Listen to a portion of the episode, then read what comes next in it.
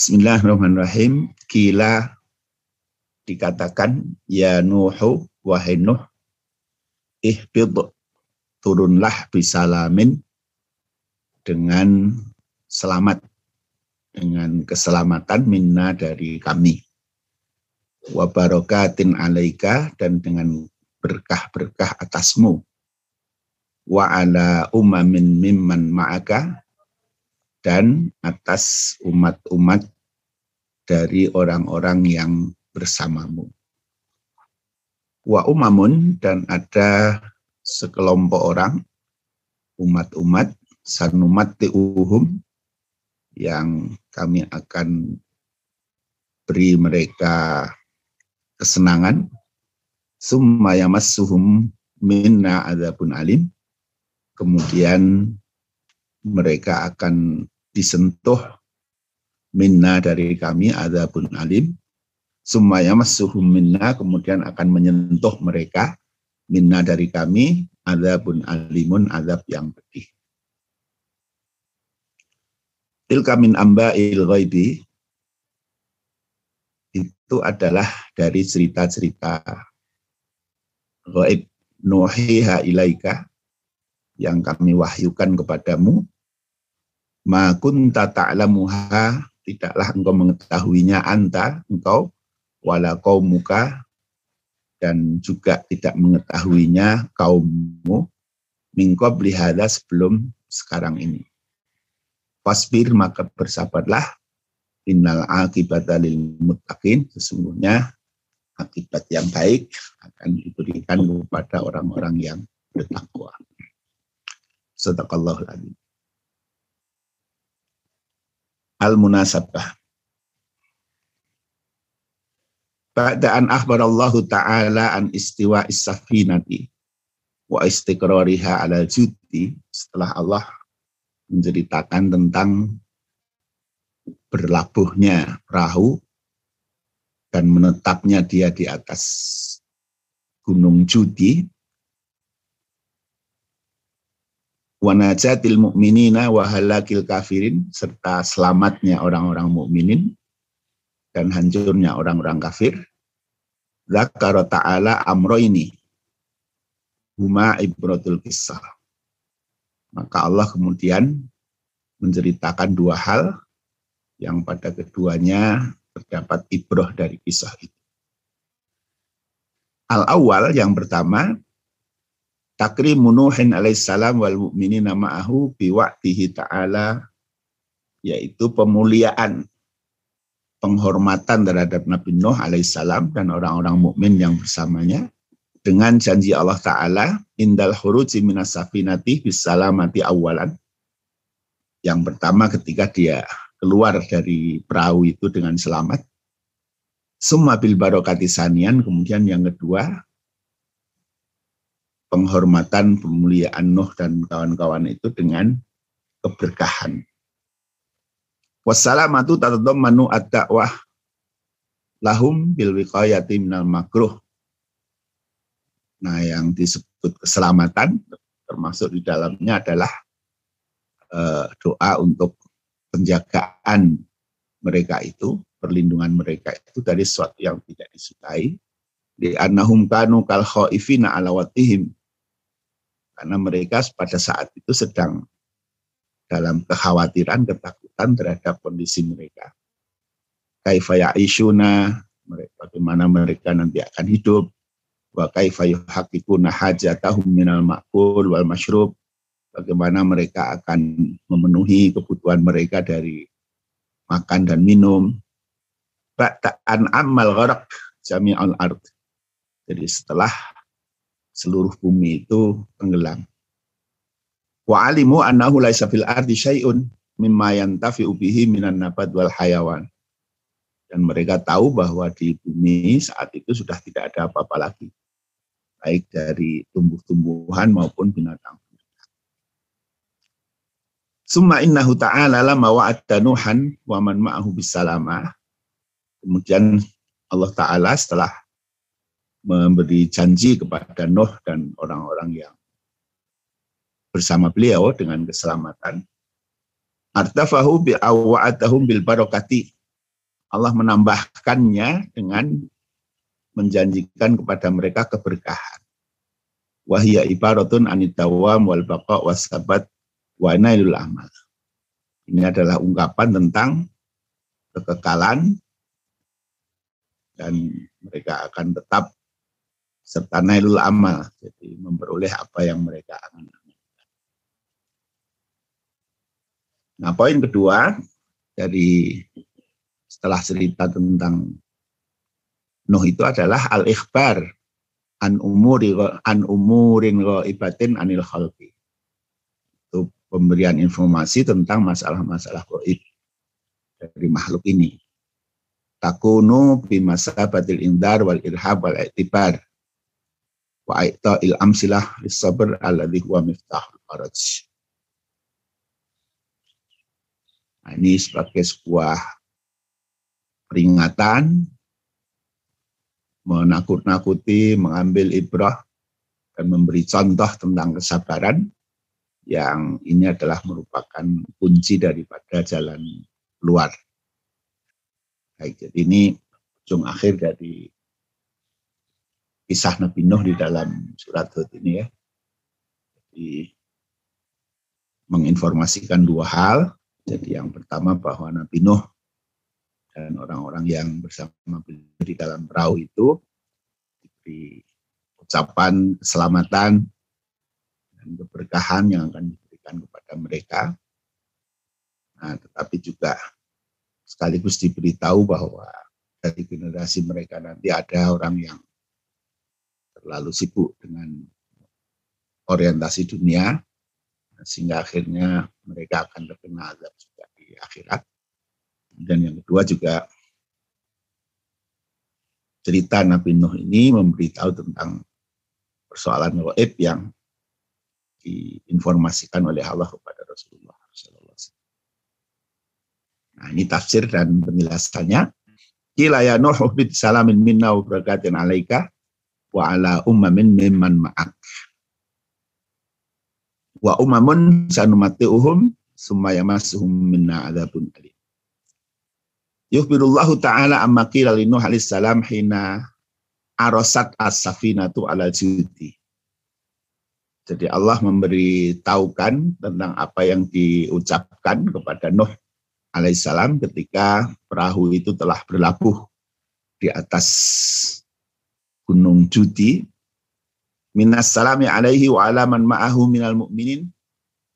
Wa ala kulli mu'minin min dzurriyyatihi ila yaumil qiyamah.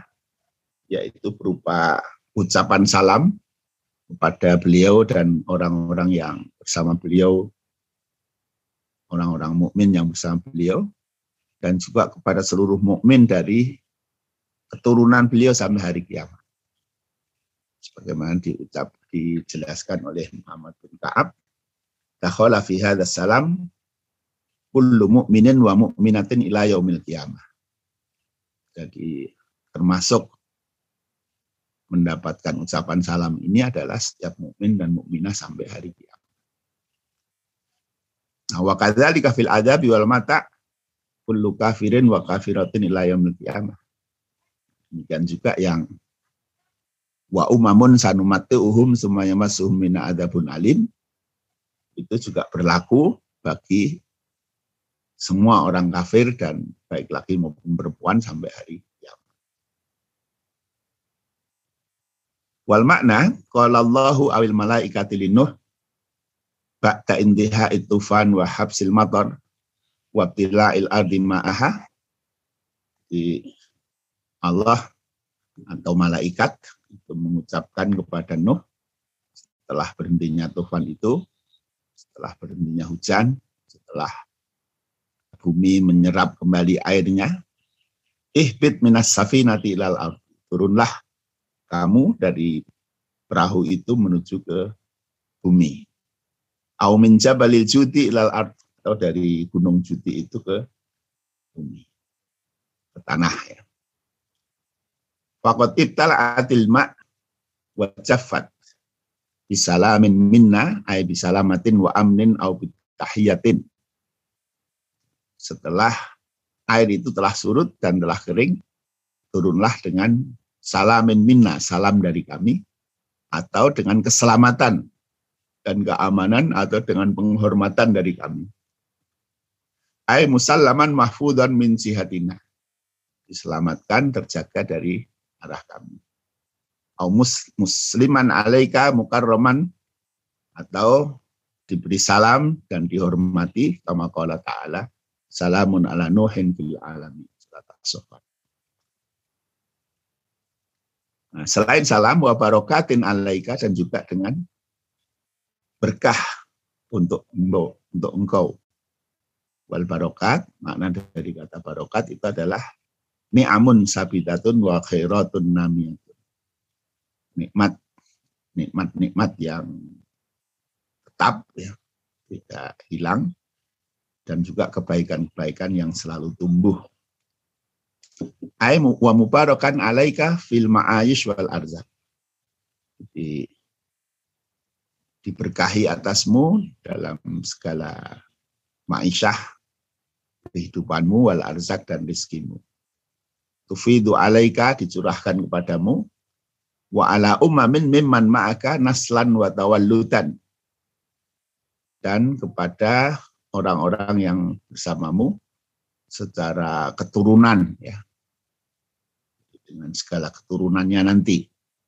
Aihum wa mayyatana saluminhum min dzurriyyatin maksudnya ya orang yang bersamamu itu dan keturunan mereka setelah itu wa yasiru takdir. Dan berjalanlah takdir itu. Wa ala dzurriyyatin umamin mimman ma'aka wa dzurriyyati umamin uhum fayudkhilu fi qawlihi mimman ma'ak. Kullu mu'minin la yaumil qiyamah wa fi qawlihi wa umamun uhum kullu kafirin la yaumil qiyamah. Kama ruya dzalika an Muhammad bin ini pilihan bahasanya agak jelimet jadi ada duriyah keturunan dari orang-orang yang bersamamu itu yang akan diberi salam dan berkah. Nah, tetapi juga ada sebagian dari keturunan mereka yang mereka ini akan menikmati dunia ini, nah kemudian menjadi kufur, sehingga mereka akan mendapatkan adab sampai dari kiamat. Wal makna Inna salamu minna wal barakatuh alaika wa ala umamin mu'minin. Sesungguhnya keselamatan dan berkah untukmu dan umat-umat yang mukminin yang sya'una mimman ma'aka yang tumbuh mereka itu ya maksudnya yang menjadi banyak dari keturunan orang-orang yang bersamamu. Wa mimman ma'aka umamun mum mumti'una bidunya tetapi juga dari keturunan orang yang bersamamu itu akan ada orang-orang yang mereka hanya bersenang-senang dengan dunia, mungkolabu ilanar yang akhirnya kembali kepada neraka. Wakana Nuhun alaihissalam abal ambia. Dan adalah Nuh alaihissalam adalah abul ambia. Jadi keturunan-keturunan Nabi Nuh inilah nanti Ya, hampir semua nabi itu nanti berasal dari keturunan Nabi Nuh. Wal khalqu ba'da tufan minhu wa min man kana ma'hu safinah. Dan makhluk setelah tufan, setelah badai itu eh, itu juga nanti adalah keturunan dari orang-orang yang bersama beliau di dalam perahu itu. Jadi Nabi, Nabi Nuh itu anaknya empat ya, satu yang ditenggelamkan, kemudian tiga yang bersama beliau di dalam perahu itu. Ada yang namanya uh, Sam, kemudian Yafid dan Ham. Ya. Kalau di di dalam tafsir ini juga ditulis, tapi saya tidak kutip ya dari Sam itu nanti lahir keturunan Samaniun ya itu penduduk Eropa dan sekitarnya. Kemudian dari Yafid itu beliau nanti migrasinya ke arah Afrika. Afrika dan eh, seputarnya itu keturunan dari Yafid.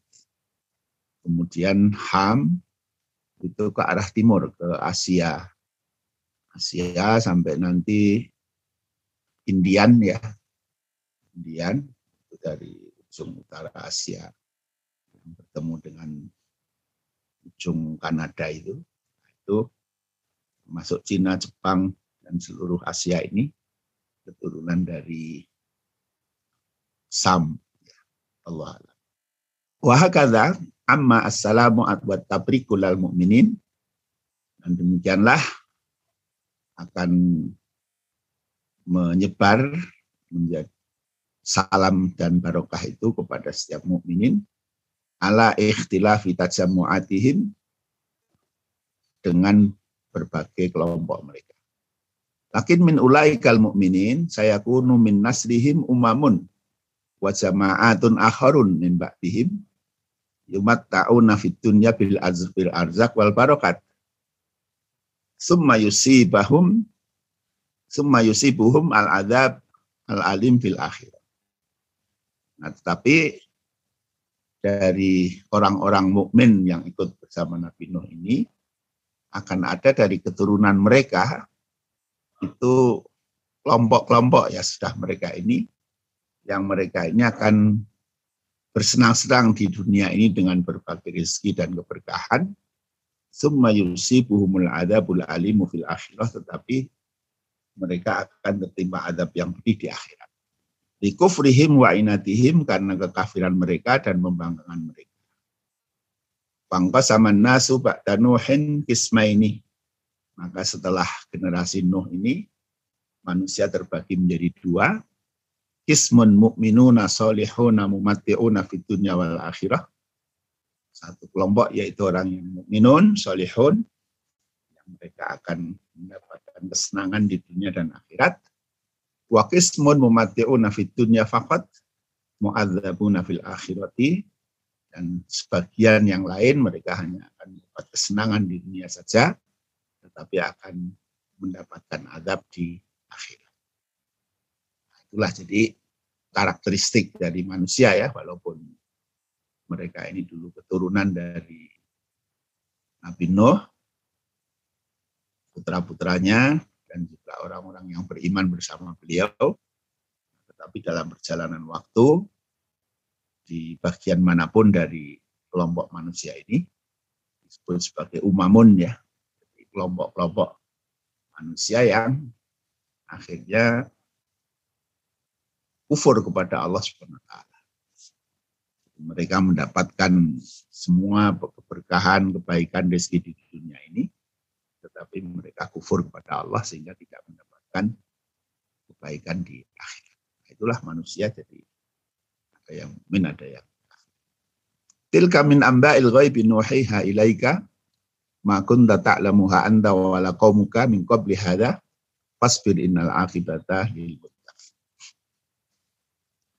Summa dzakarallahu ta'ala ibrah al-ammah min kisati Nuh.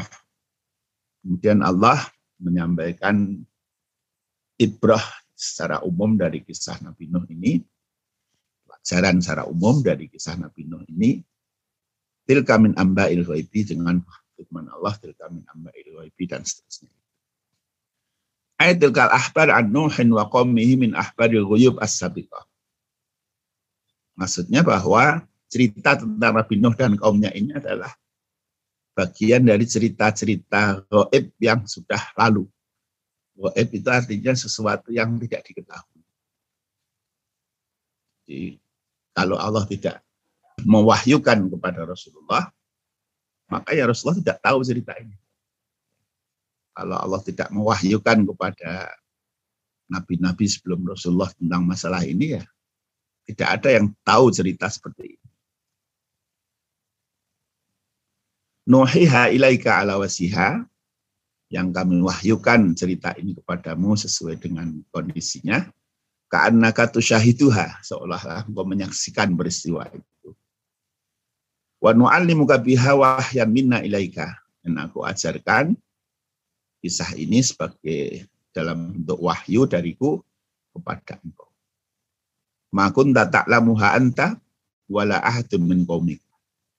Tidaklah engkau mengetahuinya, demikian juga tak seorang pun dari kaummu mengetahui cerita ini hatta yakula mayyukadzibuka innaka ta'alam tahamin insanin sehingga orang-orang yang mendustakan kamu menuduh bahwa kamu mempelajari cerita ini dari orang lain. Bal ukhbirukallahu akhbarakallahu biha. Tapi yang betul adalah bahwa Allah menyampaikan cerita itu kepada Fasbir ala takdzibil mukadzibina min qaumika wa adahum laka. Maka bersabarlah terhadap pendustaan orang-orang yang mendustakan kau dari kaummu wa adahum laka dan juga hal-hal yang menyakitkan dari mereka kepada Wa ala tablighi risalatika kama sabara Nuh ala adal kufar. Dan juga bersabarlah di dalam menyampaikan misimu, risalahmu. Sebagaimana sabarnya Nabi Nuh menghadapi eh, hal-hal yang menyakitkan dari orang-orang kafir.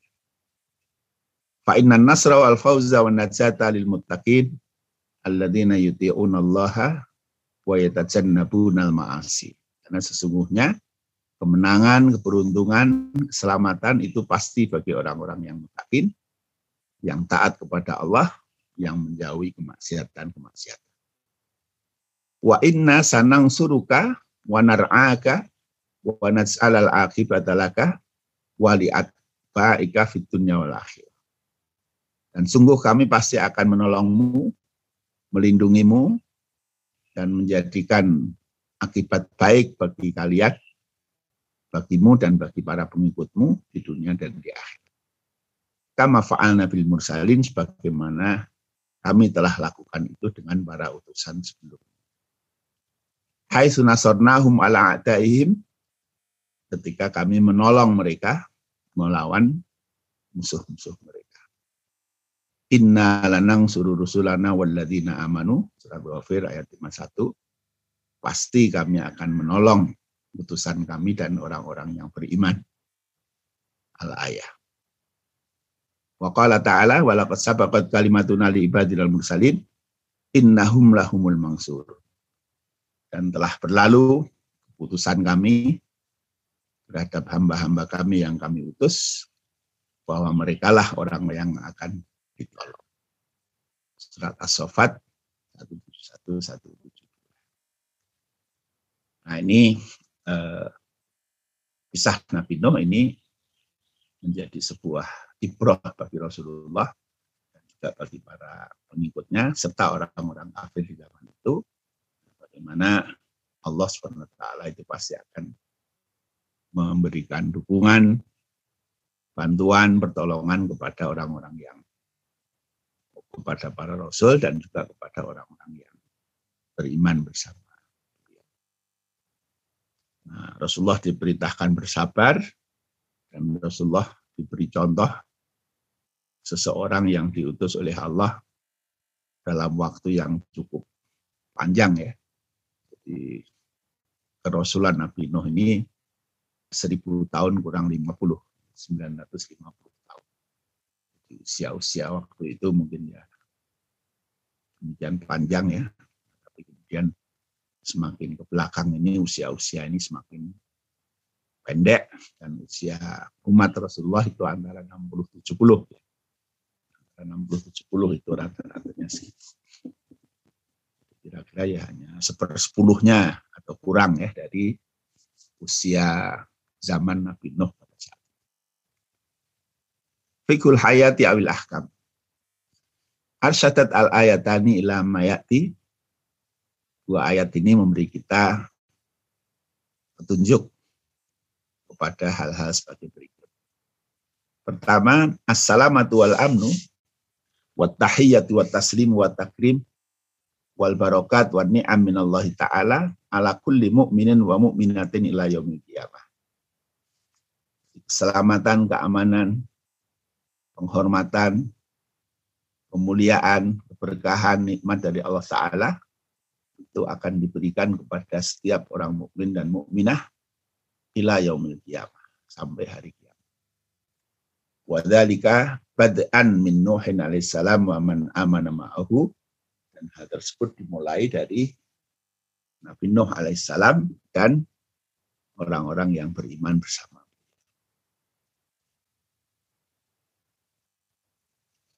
Yang kedua, al-mata'u wal intifa'u bi ni'amid dunya wa ta'dzibu fil akhirati li kulli kafirin wa kafiratin ila yaumil qiyamah. Jadi diberi kesenangan dan kemanfaatan dengan nikmat dunia tetapi akan diadab di akhirat kepada setiap orang yang kafir baik laki maupun perempuan ila yaumil qiyamah sampai hari Bada'an min dzurriyyatil mu'minina fi asri Nuhin alaihissalam wa dzurriyyati ummamin min ba'dihim. Ini dimulai dari keturunan orang-orang mukmin di zaman Nabi Nuh alaihissalam dan juga keturunan umat-umat sesudah beliau. Ini juga sebuah sunatullah yang yang pasti seperti itu. Yang ketiga, kana khabaru Nuhin wa qissatuhu ma'a qaumihi min amba'i maghaba an-nabi sallallahu auhallahu biha ilahi wa atla'ahu alaiha. Cerita tentang Nabi Nuh dan kisahnya bersama kaumnya itu adalah sebuah kisah yang tidak diketahui, yang goib dari Nabi SAW, yang Allah wahyukan kisah itu kepada beliau, dan dijelaskan kepada atas kisah itu dunayakuna aliman huwa wa qawmuhu biha qabla. Setelah sebelumnya mereka betul-betul beliau dan kaumnya ini tidak tahu tentang kisah Nabi Nuh. Falam ya'rif ahadun amrut tufan. Maka tak seorang pun yang mengetahui tentang persoalan pada itu. Wa kanatil kisah ala nahwi sahih at-taqiq mashulatun. Inna Nabi SAW wa inda qawmi. Kisah yang benar dan rinci itu sesuatu yang tidak diketahui oleh Nabi maupun kaum. Yang keempat, kanal gharat min dzikri qissati Nuh fi surat Yunus wa ma'rifatu wa shibhi baina qaumi Nuh wa qaumi Muhammad alaihi wassalam. Wa huwa anna qauma Nuhin kadzabuhu li annahu haddatahum binuzulil adzab. Fastajaluhu. Summa dhahara fi nihayatil amr. Wa kadzalika qaum Muhammadin sallallahu alaihi wasallam istajalu nuzulal adzabi misla qaumi Nuhin. Wa wajhi syibhi fi surat Yunus wa istijallah di surat Yunus ini dikisahkan juga tentang Nabi Nuh. Nah, kemiripan kisah antara kisahnya kaum Nabi Nuh dengan kaumnya Rasulullah SAW, yaitu bahwa di zaman Nabi Nuh itu, Nabi Nuh mengancam mereka dengan azab, dengan akan diberikannya azab ketika mereka tidak mau beriman, nah kaumnya itu justru menantang dengan meminta disegerakan adab itu. Kalau memang betul ancaman yang disampaikan oleh Nabi Nuh. Dan kemudian ternyata dibuktikan oleh Allah dengan diadab. Nah di surat Yunus ini juga sama kaum Rasulullah SAW orang-orang kafir Quraisy di diberitahu oleh Rasulullah tentang ajakan untuk bertauhid dan bahaya bagi yang tidak mau bertauhid dengan diberikan adab oleh Allah. Nah, sama dengan kaumnya Nabi Nuh yaitu kaum Rasulullah SAW itu menantang. Kalau memang betul maka ya segerakan saja adabnya itu. Kalau memang kamu betul dengan apa yang kamu kesamaan kisah dari umatnya Nabi Nuh dengan umat Rasulullah yang dicantumkan di kisah Nabi Nuh di surat Yunus, surat sebelumnya ya, itu adalah bahwa kaumnya meminta untuk disegerakan adab. Nah sekarang apa kesamaan kisah antara Nabi Nuh dan Rasulullah SAW di dalam kisah Nabi Nuh di surat Hud ini? Wa fi surah, surat Hud, Allah Ta'ala dikira hadir kisah lihat bin akhir. Allah mengulang cerita Nabi Nuh ini tapi dengan tujuan yang berbeda. Wa huwa bayanu anna iktamil kuffar alal idza'i kana hasilan fi zaman Nuh. Alamma sabara alaihissalam nalal fatha wa dhafar. Nah, di dalam kisah surat Hud ini, kisah Nabi Nuh dijelaskan tentang bagaimana kaumnya itu berusaha untuk menyakiti Nabi Nuh dengan berbagai ejekan dan lain-lain. Tapi kemudian dihadapi dengan kesabaran oleh Nabi Nuh, maka kesabaran itu yang akan menjadi sebab kemenangan yang diberikan oleh Allah kepada Nabi Nuh. Fal takunnya Muhammad kadzalika litanal maksud Fakat araf tama ala sabri inda nuh wal mu'minin wa akibat al kufri. Ya, hendaklah kamu juga demikian wahai Muhammad supaya tujuan kamu nanti tercapai. Kau sudah memahami bagaimana dampak dari sebuah kesabaran yang ada pada Nabi Nuh dan orang-orang mukmin yang bersama beliau dan bagaimana dampak negatif bagi orang-orang yang kufur kepada huwa al-idha wa alaihi mu'attin ilan nasr. Jadi kesamaan yang diungkap di dalam kisah ini adalah adanya perilaku kaumnya yang menyakiti Nabi, menyakiti Nabi Nuh dan orang-orang yang beriman bersama beliau. Demikian juga perilaku orang-orang musyrik yang menyakiti Allah dan orang-orang yang beriman dengan Rasulullah. Dan kemudian kesabaran yang akan membawa kepada pertolongan. Jadi kalau Nabi Nuh dulu di hina-hina, diejek-ejek, dan tetap bersabar di dalam menjalankan tugas dakwahnya, dan akhirnya mencapai kepada keberhasilannya, maka demikian juga Rasulullah ketika beliau juga melakukan dakwah, diajak-ajak, dituduh bermacam-macam, diperlakukan dengan buruk, kemudian juga para pengikutnya dilakukan hal yang sama, maka silahkan bersabarlah untuk berhadapan dengan situasi itu, nah, itu akan menjadi kunci bagi itu berhasil.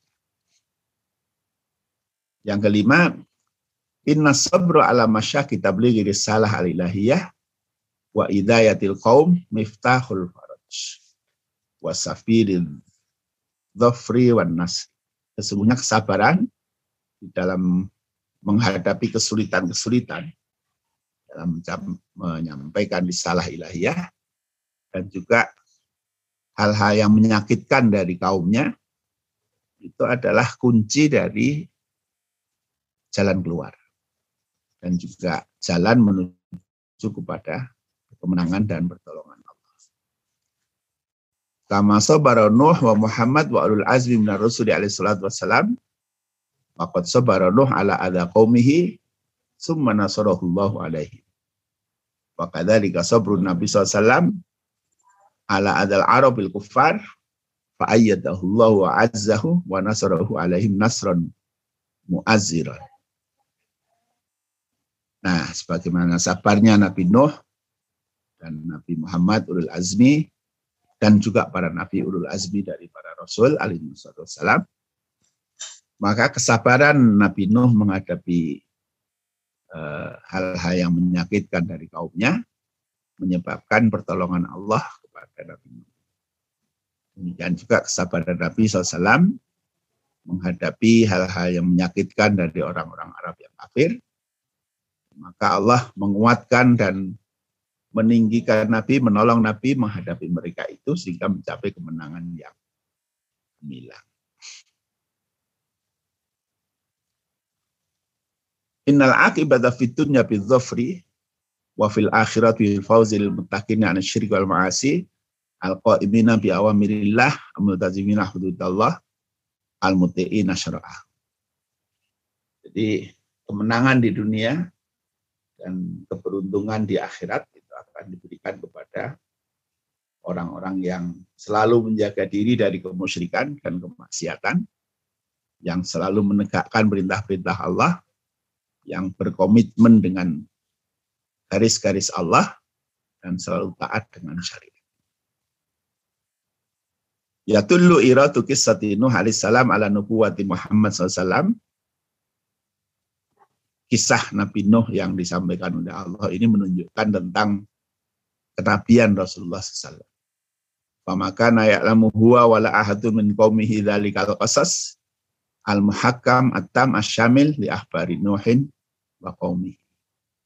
Tak ada satupun dia maupun orang-orang lain yang dari kaum Rasulullah ini yang mengetahui kisah eh, Nabi Nuh ini secara cepat dan sempurna terhadap cerita tentang Nabi Nuh dan kaumnya. Rasulullah diberi wahyu oleh Allah bercerita tentang kisah Nabi Nuh secara begitu rinci, detail. Ini menunjukkan kenabian Rasulullah Sallallahu Alaihi Wasallam. Wallah alam soab demikianlah. Itu rahmatullah. Jadi kesimpulan yang pertama bahwa Nabi Nuh ini adalah Abu Lambiya dan juga orang-orang yang bersama beliau beriman bersama beliau ini menjadi sumber dari umat manusia sesudahnya dengan berbagai jenis manusianya. Nah, yang kedua, dari keturunan Nabi Nuh dan orang-orang yang beriman bersama beliau ini, nanti akan ada yang terjaga terus di dalam keimanannya, tetapi ada juga sebagian dari mereka yang kemudian bergeser dari nilai-nilai keimanan dan menjadi Nah, yang tetap terjaga di dalam keimanannya, insya Allah akan diberikan oleh Allah keselamatan dan kebaikan di dunia dan akhirat.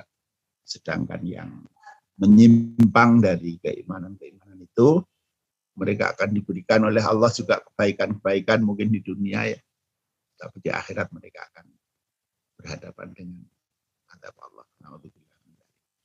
Nah, yang ketiga bahwa kisah Nabi Nuh ini menjadi bukti kenabian Rasulullah Sallallahu Alaihi Wasallam tanpa ada wahyu yang menceritakan ini, maka tidak ada seorang pun yang tahu tentang kisah. Demikian Bapak Ibu, bila taufiq Assalamualaikum warahmatullahi